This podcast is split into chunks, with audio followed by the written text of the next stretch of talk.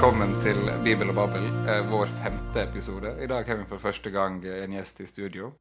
Jeg heter Per Kristian Hovden Sætre. Og jeg heter Linn Sæbø Rystad.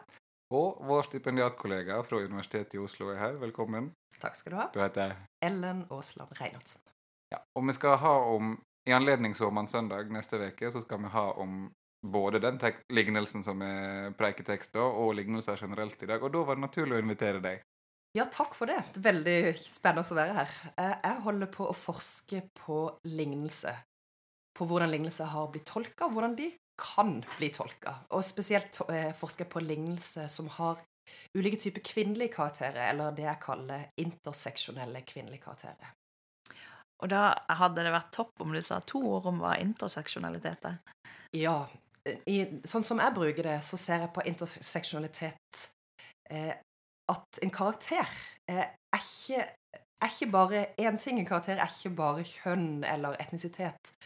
Men en karakter da i en lignelse, en person i en lignelse, konstrueres og forstås i et kryss, et veikryss, som intersesjonalitet betyr, av ulike kategorier av etnisitet, seksualitet, økonomi eh, og kjønn, eksempel. Og sånn forstår jeg den karakter. Flott. Og det burde kunne hjelpe oss å kaste litt lys over de lignelsene en snakka om på Såmannssøndag. Ja. Ja, for det at, eh, vi skal tilbake igjen til Sørmannssøndagen, og vi kommer tilbake igjen til interseksjonaliteten seinere, som PK sier. Eh, men eh, det store spørsmålet i dag er eh, Har du ugress i åkeren din, Per Kristian? Iallfall i hagen. Jeg har noe enormt med arbeid som når våren kommer. Men det var kanskje ikke helt det du tenkte på? Uh, ugresset, det har skapt mye trøbbel. Hva er det Jesus mener med ugresset i åkeren i den lignelsen? Hvordan skal det tolkes? Hva betyr det? Hvem er det? Ikke sant? For lignelsen den finner vi i Matteus 13, i vers 24 til 30. Og Der handler det om en mann som eh, sår kveite i åkeren sin. Og Så går han og legger seg. Og mens han sover, så kommer det en fiende og sår ugras i åkeren. Og når slavene til denne mannen oppdager at uh, der er ugras i åkeren, skal vi plukke det bort? Så sier, så sier denne mannen at nei, eh, vi skal vente til vi høster inn, og da skal vi brenne ugraset, og eh, så skal vi legge kveiten i låven. Og det er egentlig hele preiketeksten på Såmannssøndag. Jeg har et veldig dårlig forhold til den teksten, for jeg har eh, hatt den på en eksamen og fikk det. Så jeg gleder meg til å høre eh, hvordan jeg kunne ha angrepet det annerledes. Og en av mine første preikeminner kanskje jeg kan vært veldig gammel, men jeg husker veldig godt at han som holdt eh, preika den dagen, hadde med seg en blomsterpotte med såkorn som han helt overraskende slengte ut i kirka. Så det ble liggende i hatten til de gamle damene på benken foran. og sånn. Jeg har eh, dessverre òg et minne fra min egen prekenpraksis og, det, og noe av det samme. Der jeg, hadde gudstjeneste for små og store, og det var såmannssøndag. Ikke denne teksten, men en av de andre tekstene på såmannssøndag. Og da tenkte jeg OK, nå vil jeg, det jeg vil gjøre med preken, er at barna skal forstå at Gud er giver av alt godt. Hva er det beste barn syns? Det er godteri. Så jeg gikk opp og nedover midtganga og slengte ut godteri. Det traff barna i hodet, i øynene, og det ble grining og sutring, og ingen fornøyde verken barn eller foreldre. Så det gjør jeg ikke igjen. Så, det da, så vår anbefaling er å unngå akkurat det, da. Unngå det. Men ugress hadde jeg ikke med, da. Nei. Men tanken var vel heller ikke så dum å bruke Altså, her er det såkorn, det må være et eller annet positivt, og så må en finne et eller annet som eh, korresponderer med det. Ikke sant? Ja, for det er jo noe av det som en fortelling gjør. Som lignelse er jo Som regel forstås lignelse som fortellinger. Og en fortelling inviterer en jo inn i seg til å identifisere seg med en av karakterene, eller, eller ikke gjøre det. Eh, og det er jo noe av det som både har skapt glede med denne lignelsen, og skapt trøbbel med denne lignelsen. For hva eller hvem er såkorn, og hva eller hvem er ugresset? Mm. For hvis du ser historisk på det, og prøver å tolke dette her som en 2000 år gammel historie som har gitt mening på et tidspunkt, så er det klart at det å dyrke korn altså i, vår, I vår tid så kan det framstå som en litt sånn frivillig aktivitet, at eh, maten kjøper vi på Kiwi uansett. Uh, og hvis det blir dårlige avlinger, sånn som det ble i fjor, så er det kjipt, og det er vanskelig for bøndene, og sånn, men de får erstatning, og livet går videre. Men tilbake til en annen kultur, en annen, et annet samfunn der det å få dårlige avlinger var helt katastrofe. Der det gikk på livet løst. Mm. Så det er klart at dramaet i en sånn lignelse er ganske mye høyere enn en kanskje umiddelbart oppfatter. Det er jo noe vi har vært innom i flere podkaster. Altså at, dette, eh, at det er ikke alltid vi forstår hvor, hvor stort drama er. Eh, sånn hva som egentlig står på spill. Mm. Og jeg skjønte enda litt mer av dramaet her når jeg skulle sjekke ut eh, hva gresken i denne teksten betyr, og fant ut at den glosa som står her for står her for ugress, det er da zidzania, som betyr Det er en helt spesifikk eh, plante, som eh, ifølge mange tolkere, da Det er ofte, av og til vanskelig å vite hva sånn navn på planter og dyr og sånn i gamle språk egentlig betyr. Mitt yndlingseksempel er en plass i Jesaja der det samme hebraiske ordet har vært oversett med ugle, piggsvin og hegre bare i løpet av de siste 80 åra, eller noe sånt. Ja, for dette ugresset fins ikke lenger. Nei, men jeg veit ikke helt. Det er vanskelig å vite akkurat hva det ordet sikter til. Ja. Men den vanligste teorien er at det er den planta som heter svimling på norsk. Svim, svimling. Eh, og det er et ugress som ligner på kveite. Det er umulig å skille fra kveiteplanter før de får korn. Mhm. Altså Derfor må en lignelsen vente til vente til det er modent før en kan skille det fra hverandre. Altså Det gir god mening hvis det er en plante. For det er ikke et retorisk poeng nødvendigvis. Det kan også være et faktisk eh, og jordbrukspoeng. Men så er det en sopp som går på denne planta, som produserer gift. Og hvis den gifta kommer i mjølet etter at du har laga mjøl av kornet, så kan du bli skikkelig dårlig. Du kan bli svimmel, eller eh, du kan til og med dø av det. Så, kornet, så, så mjølet blir giftig hvis dette ugraset blir med i, eh, blir med i innhøstinga. Så det slavene her er at de er opptatt av at vi må rydde det ut på en eller annen måte, det er en- de har en veldig god grunn til det. Eh, men eh, eh, denne lignelsen har jo ofte blitt tolka ikke nødvendigvis eh, konkret på eh, liksom jordbruksmetaforen. Det blir ofte applisert på eh, noen andre. Jeg har i hvert fall eh, hørt eh, forkynnelse der jeg har tenkt at eh, oi, jeg er ugresset, eller eh, jeg er såkornet, osv. Og ikke minst skal jeg brenne til slutt. Ikke sant? Og noe av det handler jo om at litt seinere i samme, samme kapittel så forklarer Jesus lignelsen om ugresset for disiplene. Ikke for folk flest, men for disiplene. Og da sier han Han svarte, Den som sår det gode kornet, er menneskesønnen. Åkeren er verden.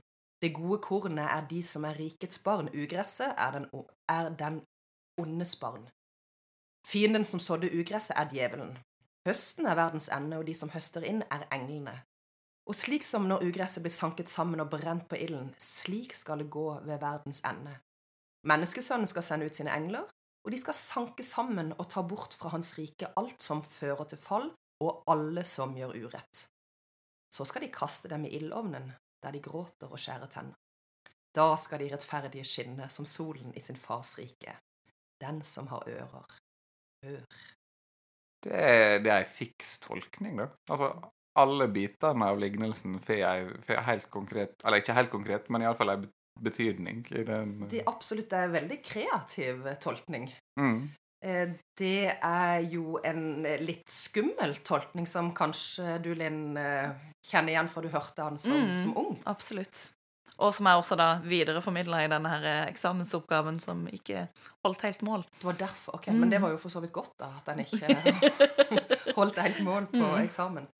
For denne her, denne her tolkningstradisjonen som kalles for allegorisk tolkning, der, der det en sier i denne opprinnelige lignelsen, egentlig betyr noe annet. Så her betyr det jo egentlig ikke det Jesus forteller i lignelsen, men det betyr jo egentlig at åkeren er verden. Det gode kornet er ikke gode korn, det er rikets barn. Ugresset er den ondes barn, osv.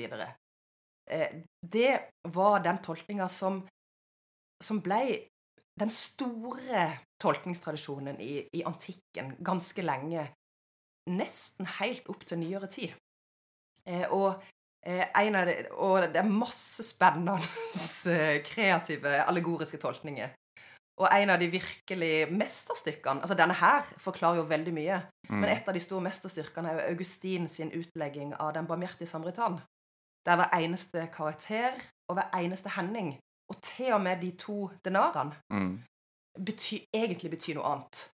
Eh, Da er mannen som går fra Jerusalem til Jeriko, er Adam, som faller fra himmelen, Jerusalem, og egentlig mot månen, var det i Augustins tolkning, men egentlig i verden, da. Ja. Rø røverne var eh, djevelen og hans, eh, hans tjenere. Eh, og eh, presten og levitten som kom forbi, var, var den gamle pakt. Eh, og, så, og, så, og så går det videre. Min favoritt her er at eselet Kristus er samaritanen. Samaritanen er Kristus. Eh, min favoritt er at eselet, det er kjøttet flest, eh, Liksom the, the flesh. Eh, sarks som, som Jesus Kristus tar på seg for å bli menneske. Og det å handlinga blir lagt opp på eselet, det er når en tror på inkarnasjonen. Ikke sant? Men du hadde noe med to denarer. Ja, fordi det fortsetter. For at på slutten av lignelsen så overlater eh, samaritanen denne, denne mannen til et vertshus. Mm, Og det var vertshus En er, kirka. er kirka. mm. Vertshusholderen er Paulus. Ja. eh, Og de to denarene som skal holde liv i, holde liv i denne mannen. Ja, Det er da dåpen og nattverden. så flott. Selvfølgelig. Men, Så alt gir jo mening. men den, men den Altså, den lignelsen har ikke ei sånn tolkning i Det nye testamentet. Nei, det har han ikke. Eh, og det er ikke så mange lignelser som har den tolkninga. Som har sånne tolkninger. Eh, noen har det. Eh, og seinere i, i forskningshistoria, med en, den, den store Jülicher, som er den første moderne lignelsesforsker, da ble krigen mot allegorien ble liksom hovedsaken for Jülicher. For, for han mente at altså, allegoriene når en allegoriserer, så kan jo ting egentlig bety hva som helst. Og det har han sett at alle tingene i, i bibeltekster har betydd veldig mange forskjellige ting. Og Jülicher mente at lignelse, det, altså det ikke, hadde ikke noe metaforisk eller allegorisk over seg. Det, være, det var lett å forstå. Det var en sammenligning som skulle gi mening og ikke trengte en tolkning. Og Jülicher, han, altså han hata allegori. Jülicher poeng var at en lignelse dreide seg rundt ett punkt. En lignelse hadde bare ett poeng. Det var ikke sånn som allegorien som gikk i alle retninger, og alle ting betydde noe. Lignelsen hadde handla om én ting. Eksempel den som ofte kalles for surdeigslignelsen, om kvinner som legger surdeig i mel. Der mente Jülicher og tradisjonen etter han at det handla bare om denne her hevelsesprosessen til surdeigen. Alt annet ble bare detaljer som en ikke trengte å bry seg om. Så da forsvinner denne kvinna. Da forsvinner for kvinna ut. Mm. Hva så ville være det ene poenget i dagens lignelse? Ja, her da? hva ville Jülicher også Han har jo sikkert, han har skrevet masse, så han har sikkert sagt noe om det. Så hva, ikke hva ville Jesus gjort, men hva ville Gyliker sagt? Ja, Jülicher mente at det var Jesus som hadde sagt det. At han kunne komme tilbake til hva Jesus egentlig sa, og bort fra den tidlige kirka sin tolkning, teologiske tolkning.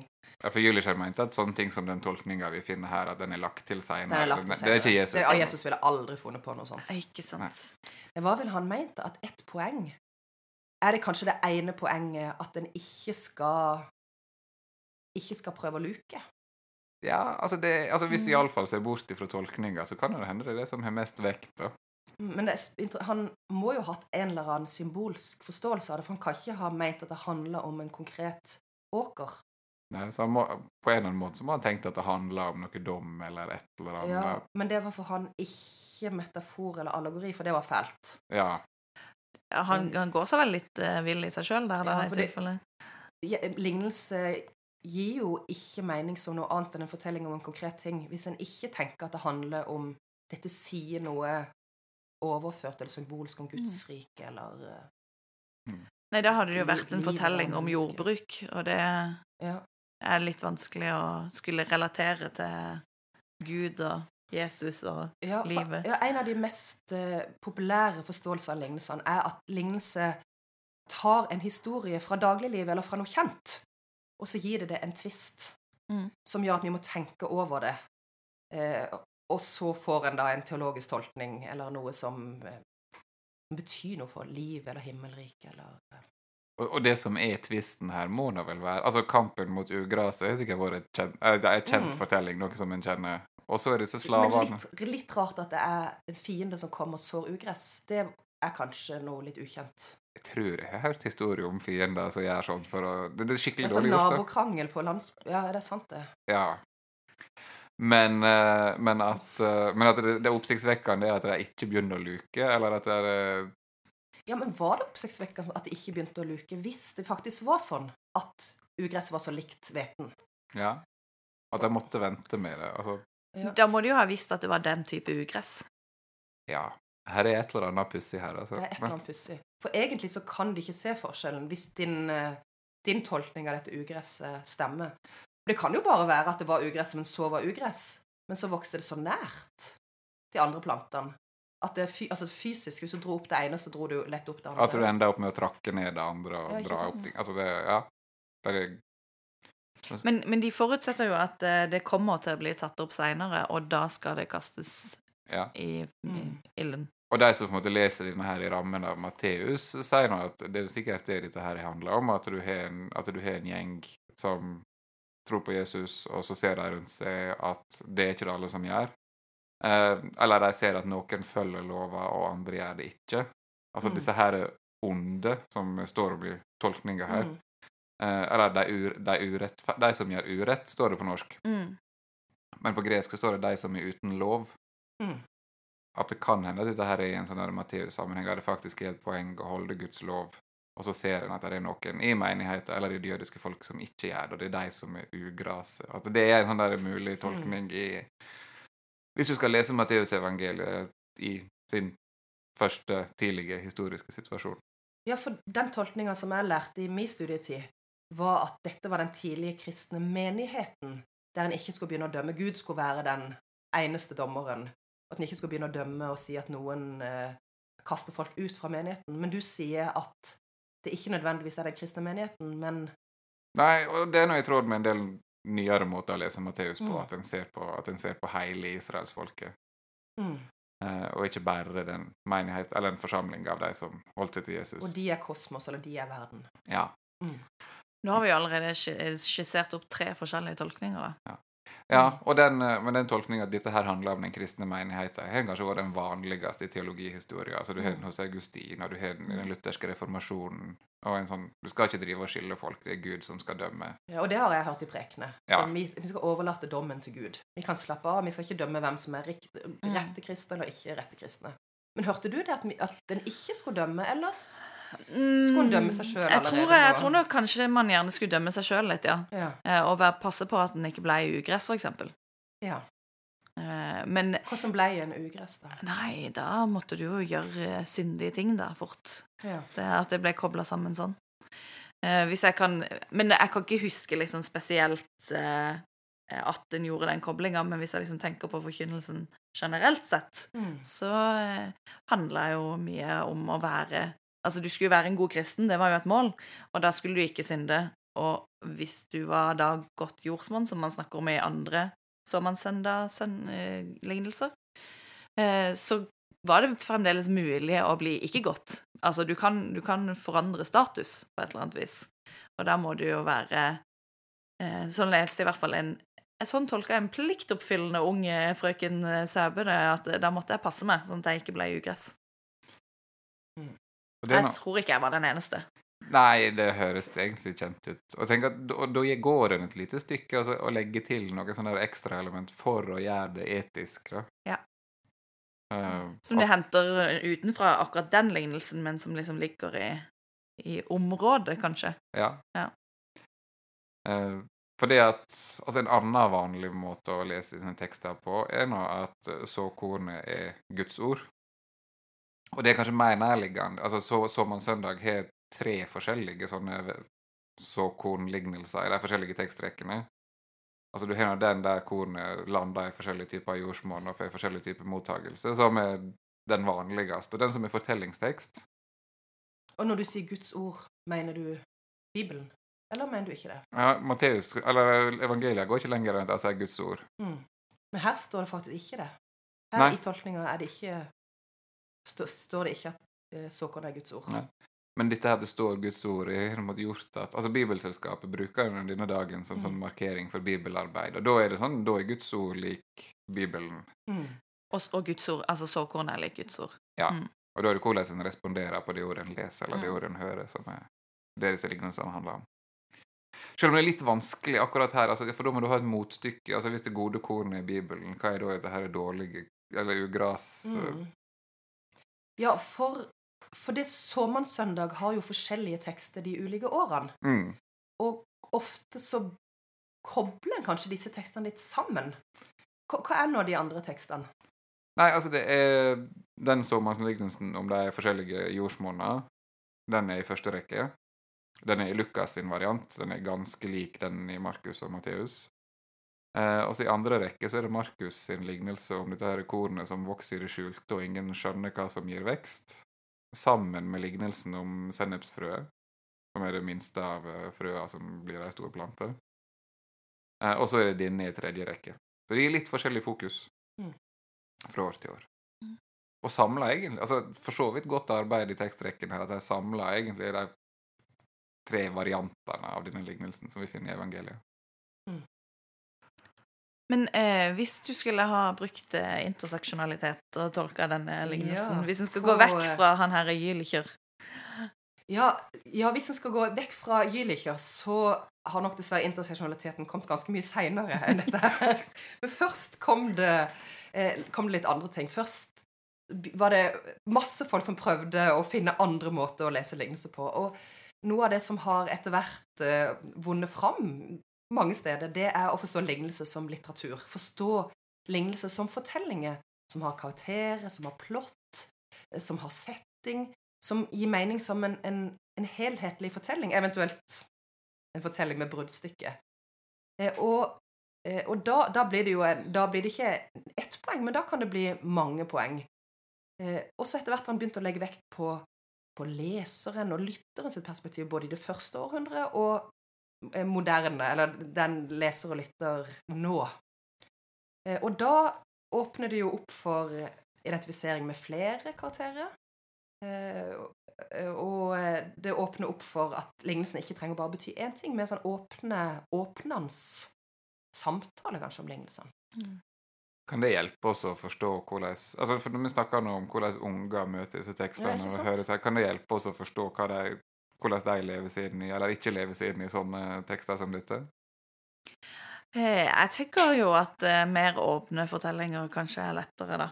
Eh, og, for i, i hvert fall det jeg har sett i min forskning, er at det kan gjerne være komplekst. Det kan gjerne være mange forskjellige karakterer, men en sånn veldig abstrakt tolkning uh, og forkynnelse, det blir litt komplisert for barna.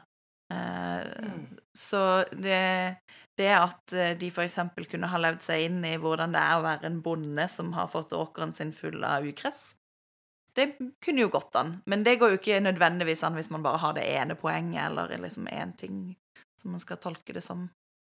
Men eh, jeg lurer på om den eh, allegoriske tolkninga som kommer eh, fra Jesus da seinere, at den er kanskje litt i overkant heftig å forstå. Hvis du skal mm, forkynne til barn. Kommer litt an på hvor gamle barna er der. Mm. Ja, det er jo veldig spennende. Hvor unge kan barn være når de kan forholde seg til komplekse tekster? Abstrakt er jo én ting, men, Mm. men mange av lignelsene er jo forferdelig vanskelige. Òg de som en eh, ofte har tolka som lette. Før jeg begynte med, med doktorgradsarbeidet, så hadde jeg et halvt år med Olavsstipend der jeg så på hvilke lignelser barn møter i trosopplæringa i Den norske kirke. Eh, og, da, og, og hvorfor det er disse lignelsene de møter. møter. Og da eh, fant jeg at det er tre lignelser som eh, brukes igjen og igjen for barn i kirka.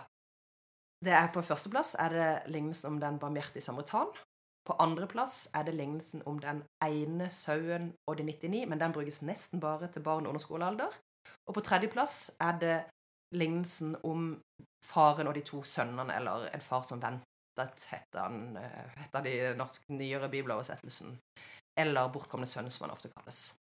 Disse tre er de som brukes ekstremt mye mer enn alle andre, og gjerne gjentas. Barna får de flere ganger i løpet av de gangene de er på trosopplæring i kirka.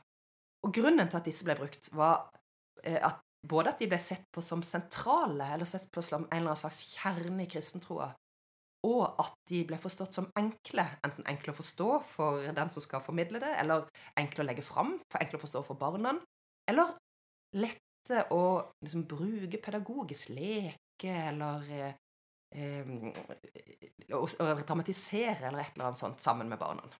Og det må barn ha må barn bare ha sentrale lignelser, hvis det er noe som heter det, og må bare barn ha enkle bibelfortellinger. Og er disse lignelsene så veldig enkle? Altså, er de veldig enkle. For eksempel da, den ene sauen og 99, som i, min, i det spørreskjemaet jeg sendte ut, ble, av de som svarte, ble tolka til å handle om sånn, Guds omsorg og kjærlighet for, for barna. Det stemmer jo med den ene sauen. Eh, og så er det 99 andre som blir forlatt alene i ødemarka. Vær så god, kjære barn. Så her, der var Gjeteren går ut for å lete etter den ene sauen. Og så de 99 andre. De, de, er der helt alene i ørkenen om natta. Der er det rovdyr og villdyr. Det er ikke noe gjerde rundt dem. Da eh, tar vi en sang, dere. Ja. For, for den gjerne formidlinga har brukt ganske mye tid på å forklare akkurat hvor farlig det er å være alene i ørkenen. ja, og så forutsetter han jo også at det er bare én sau av gangen som stikker av gårde. Ja, ikke sant? Det er det jo ikke nødvendigvis. Nei. Nei. Ville jeg ha tenkt.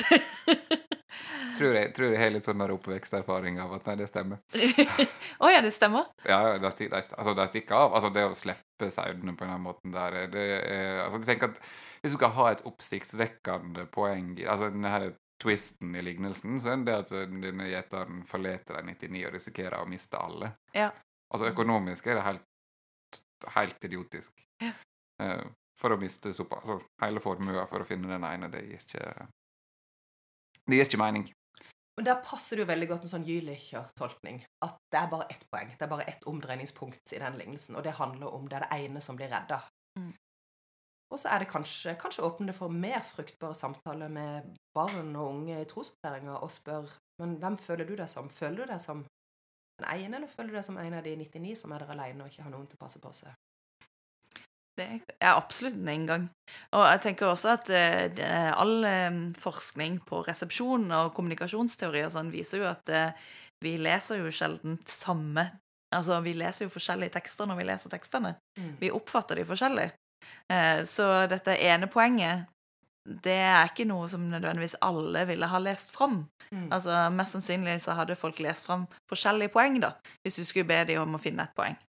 Så, sånn sett så tenker jeg at det, det å åpne tekstene litt mer, det gir også det, På en måte det Det er mer eh, i tråd med hvordan vi faktisk leser og opplever og tar inn kommunikasjon. Mm. Ja, og hvordan en har lest. Altså, jeg tenker at den lignelsen om den ene sauen og 99 den er nå plassert i samme kapittel som lignelsen om den bortkomne sønn. Og der har du denne her broren, som er den som har vært hjemme, og som ikke har vært mista, som får en ganske mye større rolle. Og den bortkomne sønnen, den er, altså, eller sønnen som kom hjem, eller hva den heter nå eh, Der er, der, der er så, så, mye energi som er brukt på disse her andre karakterene, som sier at den har ett poeng.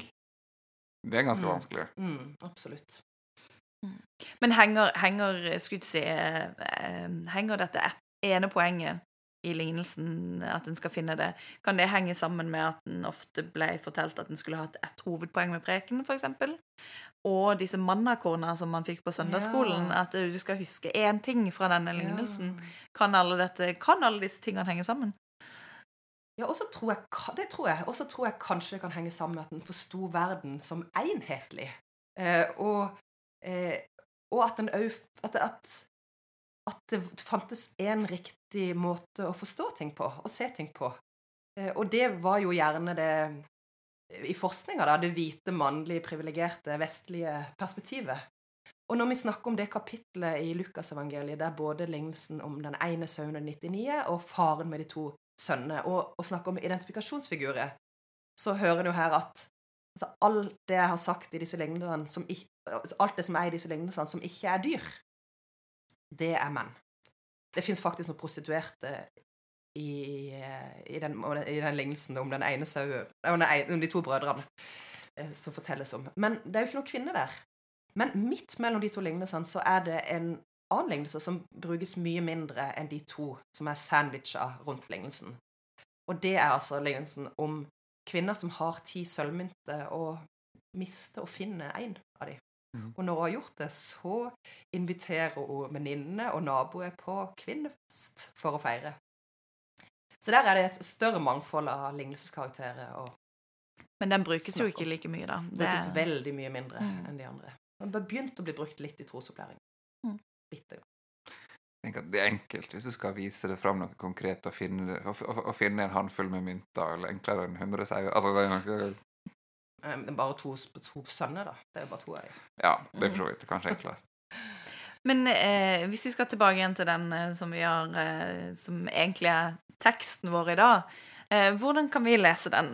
Eh, hvordan kan vi lese den og preke over den eh, eh, nå?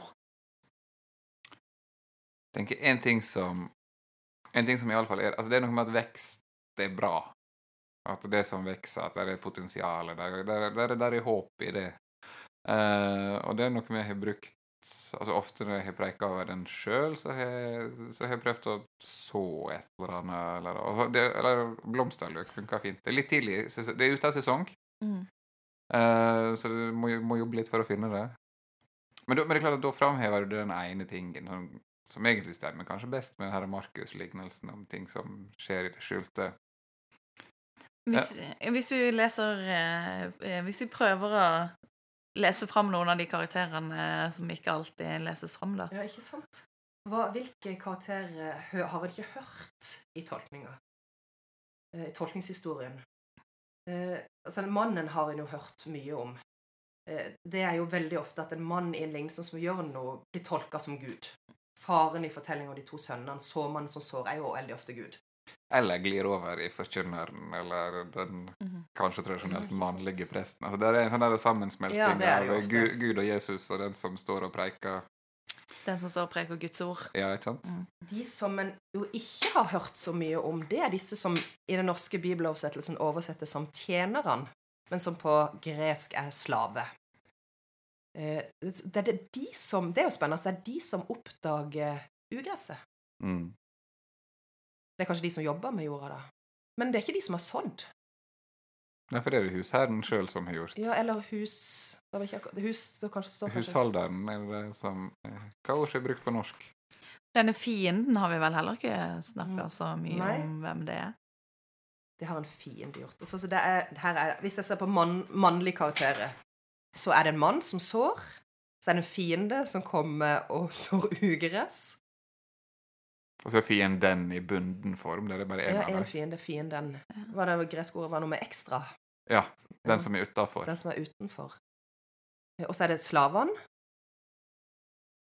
Og så er det alt referanse til fienden igjen.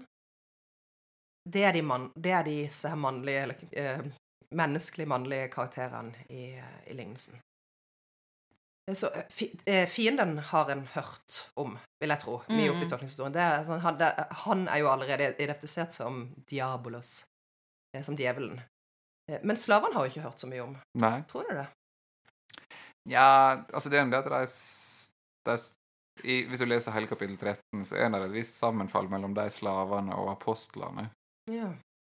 Så det kan, det kan hende de er Som der kirkens tjenere. Som kirka sine tjenere. Mm. Ja. Som kommer og rapporterer uh, ugress som de har sett. Med hele trøbbel i menigheten vår. Altså, ja. Det er jo uh, Ikke sant?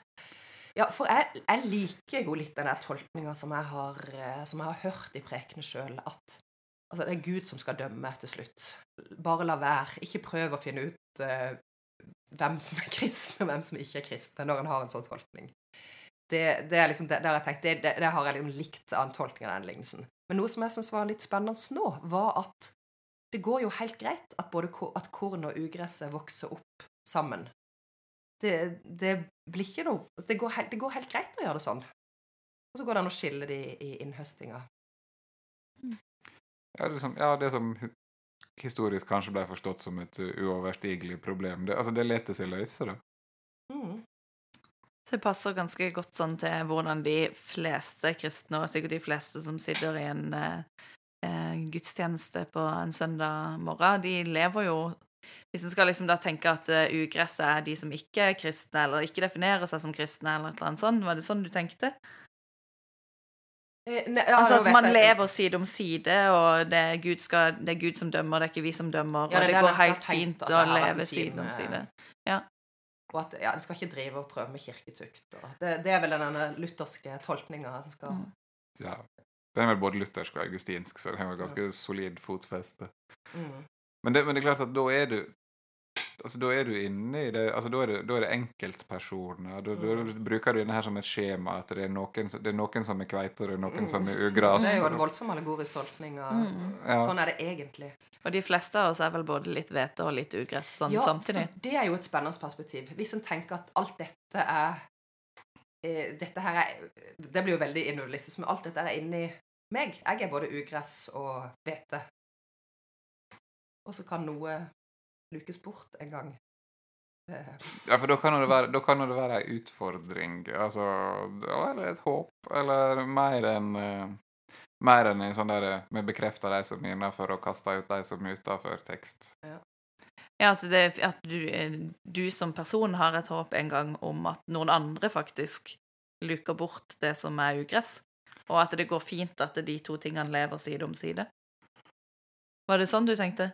Ja, det var vel noe sånt Ja. vi snakka oss imot. Men det, det er jo en tekst som bråker mye, ikke sant? Jesus snakker om himmelriket. Og så brukes det ord som, sånn, eh, som fiende. Det er et voldsomt sterkt ord. Eh, Og ikke minst eh, dette her brenninga. Altså når du hører himmel altså Når en har hele tolkningshistorien til Bibelen med seg, og så hører en Jesus snakke om himmelriket, og at en gang skal noe noe brenner, og så kommer den tolkninga seinere at det er noen ikke bare noe, men det er noen som skal Mm. brenne. Det er jo en, en tekst som, som hyler vonde ting.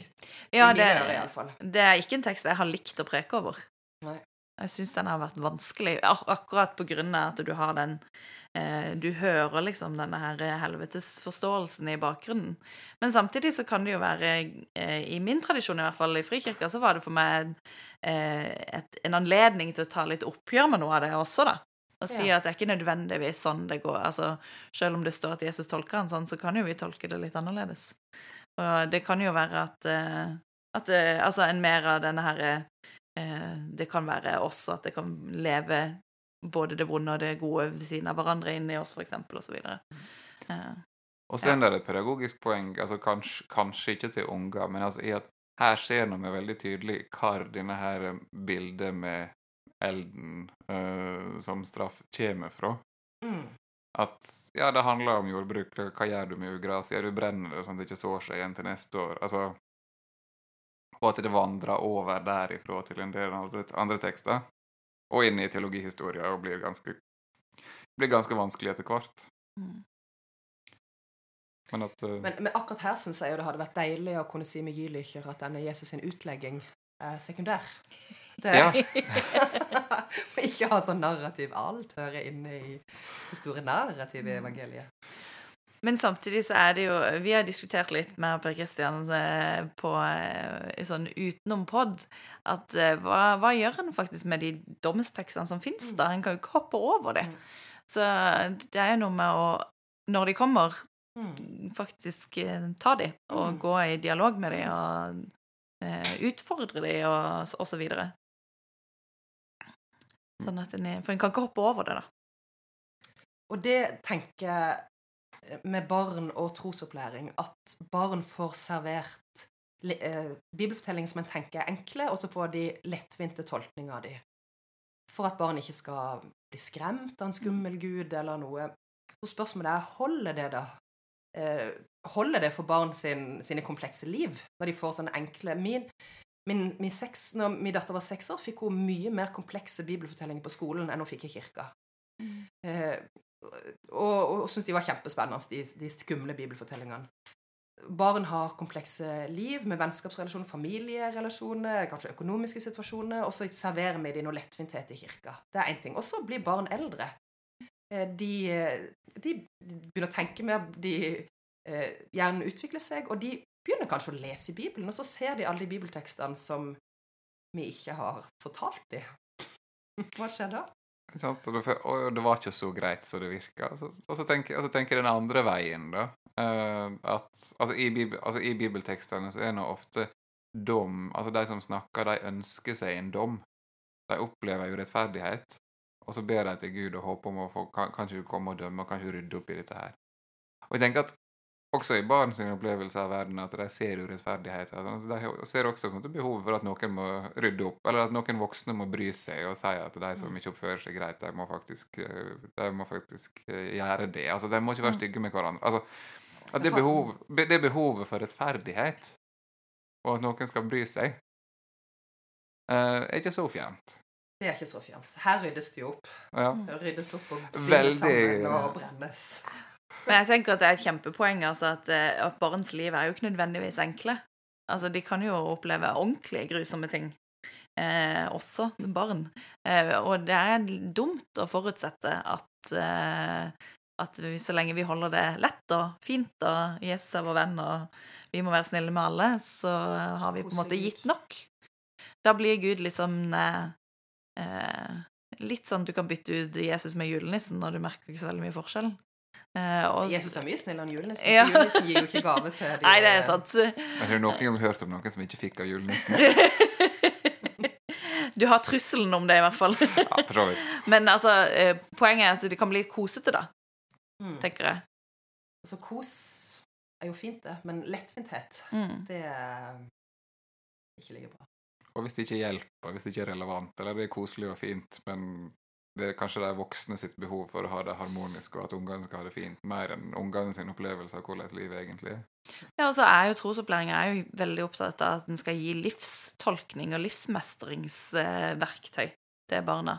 Og det tenker jeg det kan du jo finne i noen av disse vanskelige tekstene. Altså å ta, ta de vanskelige tingene i livet på alvor må jo være en del av å gi livstolkning og livsmestring. Det det var morsomt da om vi hadde gitt denne lignelsen til en gruppe barn på ni år. Velg deg en karakter. Hvem skal du være? Skal du være mannen som sår? Skal du være fienden? Skal du være slaven? Skal du være ugresset? Skal du være såkornet? Skal du være, skal du være ilden, kanskje? Det er sikkert vært kjempespennende å være fienden. Klatre over gjerdet og mm. så inn og ja. Ødelegge. Jeg skal bare oppfordre noen til å gjøre det, og melde tilbake inn til oss. Til. Ja, hva, eh, altså, vi kan eh, drive litt forskning for oss på, på eh, i praksisfeltet her. Ja.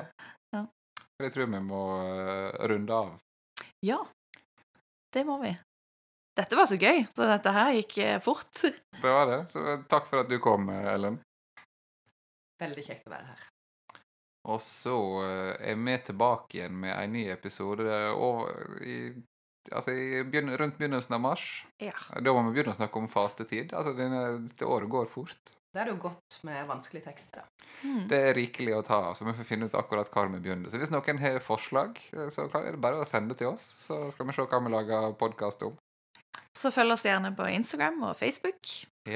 Og musikken som du hører først og sist i denne episoden, den er fortsatt laga av kantor Håvard Sveås og hans eh, prosjekt Spenstig sakral. Da takker vi for oss. Ha det bra. Ha det godt. Ha det godt.